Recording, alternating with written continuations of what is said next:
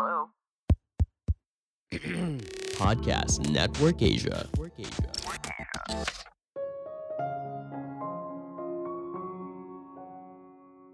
Untuk membangun masa depan, kita tidak perlu tips cepat kaya, cukup memiliki keuangan yang baik. Halo semuanya, nama saya Michael. Selamat datang di podcast saya, Sikutu Buku. Kali ini saya akan bahas buku Get Good With Money karya Tiffany Alicia. Sebagai informasi, podcast Sekutu Buku sekarang bergabung dengan Podcast Network Asia dan Podmetrics loh. Sebelum kita mulai, buat kalian yang mau support podcast ini agar terus berkarya, caranya gampang banget. Kalian cukup klik follow. Dukungan kalian membantu banget supaya kita bisa rutin posting dan bersama-sama belajar di podcast ini. Buku ini membahas bagaimana cara mengatur keuangan pribadi. Tiffany bercerita pengalamannya sendiri, dia pernah berhutang hingga 300 ribu dolar atau setara dengan 4,2 miliar rupiah saat krisis ekonomi dan mengalami penipuan investasi. Namun, dia berhasil bangkit. Dalam enam tahun, kekayaan Tiffany telah berubah 180 derajat dan mencapai lebih dari 1 juta dolar atau setara dengan 14 miliar rupiah. Literasi keuangan bukan mata pelajaran yang diajarkan di sekolah. Kamu tidak diajarkan bagaimana mengatur keuangan pribadi, padahal ini merupakan pondasi penting saat kamu dewasa. Tidak peduli seberapa besar penghasilan yang kamu miliki, semua tidak akan ada artinya apabila kamu tidak punya perencanaan keuangan yang baik. Untuk mengatur keuangan pribadi, kamu tidak perlu keahlian yang rumit. Kamu hanya perlu menguasai hal dasar saja, maka hidupmu akan jauh berubah. Saya merangkumnya menjadi tiga hal penting dari buku ini. Pertama, mengelola keuangan yang buruk. Tiffany berasal dari keluarga kelas menengah dan ayahnya bahkan memiliki gelar master di bidang ekonomi. Walaupun begitu, dirinya pernah tertipu oleh investasi bodong. Suatu hari, Tiffany tergoda oleh temannya yang terlihat kaya raya. Sebut saja namanya Jack si pencuri. Jack hidup mewah, punya mobil mahal, dan tinggal di apartemen eksklusif di New York. Tiffany lalu minta diajarkan oleh Jack bagaimana caranya untuk jadi kaya. Dia memberikan saran kepada Tiffany untuk berinvestasi menggunakan uang orang lain. Jadi, Tiffany diminta untuk pergi ke bank dan menarik uang tunai dari kartu kreditnya. Jack bilang kalau dirinya memiliki beberapa toko di Eropa dan akan menggunakan uang investasi dari Tiffany untuk membeli merek populer dari Amerika lalu dijual ke sana. Tiffany pun bersemangat atas tawaran Jack lalu pergi ke bank dan menarik 20 ribu dolar atau setara dengan 280 juta rupiah. Jack menjanjikan keuntungan 2000 dolar atau setara dengan 28 juta rupiah setiap minggu selama 2 tahun. Tentu saja, tawaran ini sangat menggiurkan. Dengan uang tersebut, Tiffany dapat membantu orang tuanya agar bisa pensiun dini. Di usianya yang muda, Tiffany merasa harus terus meningkatkan kemampuan diri. Sedari kecil, dia selalu punya mimpi untuk menjadi pemilik bisnis. Jadi, ketika seorang penulis keuangan favoritnya buka kelas online cara membuat sebuah bisnis, Tiffany lalu mendaftar program mentoring bisnis tersebut dengan harga 15.000 dolar atau setara dengan 210 juta rupiah. Saat itu, dirinya masih berbaik sangka kalau keuntungan bisnis dari Jack mampu membayar biaya pelatihan online-nya.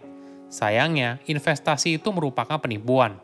Walaupun Tiffany sudah membuat kontrak dengan Jack, uangnya tetap dibawa lari dan Jack langsung menghilang. Dalam kurang dari seminggu, hidupnya berubah drastis. Dari yang tidak punya hutang, sekarang dirinya jadi berhutang 35 ribu dolar atau setara dengan 490 juta rupiah. Bukan hanya itu, Tiffany juga masih punya hutang lain. Ketika di total, mencapai lebih dari 300 ribu dolar atau setara dengan 4,2 miliar rupiah yang terdiri dari student loan, silan rumah, dan hutang kartu kredit. Dia juga kehilangan pekerjaan dan putus dengan pacarnya. Ini merupakan kondisi yang sulit, hingga akhirnya Tiffany bertemu dengan temannya dan menghibur kalau setiap orang pasti punya masalah keuangannya masing-masing. Dia pun belajar memaafkan dirinya atas kesalahan keuangan yang diambil dan pelan-pelan mulai mengubah hidupnya menjadi lebih baik. Kedua, mindset uang yang baik. Bagaimana kondisi keuanganmu saat ini? Apakah baik-baik saja? Atau kamu merasa perlu diperbaiki? Sebelum memulai belajar hal baru, kamu perlu bersedia membuka pikiran dan bersedia menerima informasi yang baru. Jika sudah, Coba bayangkan kamu di masa depan yang memiliki hubungan yang baik dengan uang. Bayangkan apa kebiasaan keuanganmu di masa depan. Mungkin kamu bisa mengambil inspirasi dari orang terdekat yang menurutmu punya keuangan yang baik. Misalnya si A yang punya tabungan pensiun yang banyak, atau si B yang kelihatannya masih bisa menikmati hidup, membeli apa yang dia mau tanpa merasa kesulitan keuangan. Atau si C yang bisa tegas menolak dorongan lingkungan sekitar untuk membeli barang branded. Gunakan semua inspirasi tersebut hingga menjadi apa yang kamu inginkan. Ada perspektif yang menarik. Dari kecil, kita sudah diajarkan bekerja keras untuk mendapatkan uang. Tapi, kita tidak diajarkan membuat uang bekerja keras untuk kita. Sekarang adalah waktu yang tepat untuk mengubah hubunganmu dengan uang. Sudah saatnya kamu bilang kepada uang, sekarang gantian kamu yang kerja buat saya. Perlu kamu sadari, untuk bisa memiliki keuangan yang baik tidak bisa dilakukan dengan semalam. Banyak hal yang harus dipelajari, mulai dari cara membuat budgeting, menabung, asuransi, hingga investasi. Semua itu bisa kamu pelajari secara bertahap dan tidak perlu dipaksakan untuk jadi ahli dalam semuanya.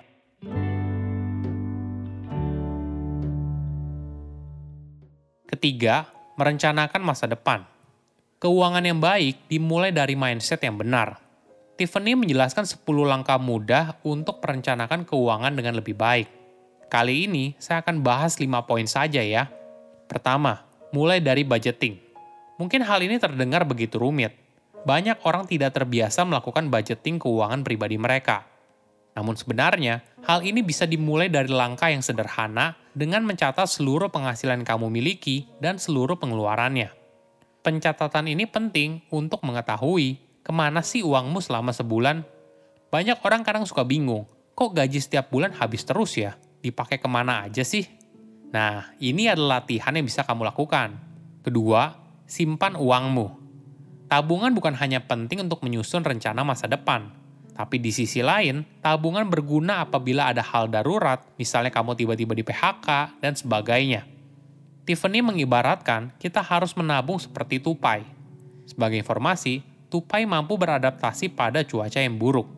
Ketika musim di mana makanan melimpah, mereka bekerja keras dan menyimpan makanan.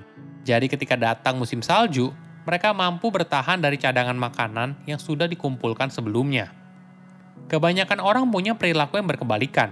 Ketika situasi sedang baik, gajinya besar, usahanya berjalan naik terus, mereka malah menghaburkan uang sebanyak-banyaknya. Mereka berpikir kondisi ini akan terus naik dan bertahan selamanya. Hal inilah yang membuat banyak orang tidak siap ketika mereka tiba-tiba dipecat atau usahanya sepi orderan. Ketiga, keluar dari hutang. Apakah kamu punya hutang? Coba tuliskan semua hutang yang kamu miliki, misalnya cicilan rumah, cicilan mobil, dan sebagainya. Fokusnya bukan segera mungkin keluar dari hutang. Tentu saja, hidup bebas hutang merupakan hidup yang tenang namun, jangan habiskan semua energimu untuk membayar hutang, tapi di sisi lain, luangkan waktu untuk membangun kekayaan juga. Ini adalah dua hal yang bisa kamu kerjakan sekaligus. Keempat, belajar meningkatkan penghasilan. Kuncinya bukan bekerja lebih keras lagi. Apa gunanya kamu punya banyak uang tapi kamu tidak menikmatinya? Kamu harus bekerja lebih cerdas, belajar bagaimana memiliki lebih dari satu sumber penghasilan. Kelima, investasikan uangmu ada dua poin utama ketika membahas investasi dan dana pensiun. Tujuan investasi ini, selain bangun kekayaan, adalah kehidupan yang nyaman ketika pensiun. Kita bisa menjalani gaya hidup yang sama bahkan setelah kita berhenti bekerja. Tentunya hal ini butuh perencanaan yang matang dan tujuan yang jelas berapa banyak uang yang kamu perlukan setiap bulan ketika sudah pensiun. Tips penting dalam mengatur keuangan adalah menyadari berapa banyak yang kamu habiskan dan berapa banyak yang kamu hasilkan. Saya undur diri, jangan lupa follow podcast Sikutu Buku. Bye-bye. Pandangan dan opini yang disampaikan oleh kreator podcast, host, dan tamu tidak mencerminkan kebijakan resmi dan bagian dari podcast Network Asia. Setiap konten yang disampaikan mereka di dalam podcast adalah opini mereka sendiri dan tidak bermaksud untuk merugikan agama, grup etnik, perkumpulan, organisasi, perusahaan, perorangan, atau siapa pun dan apa pun.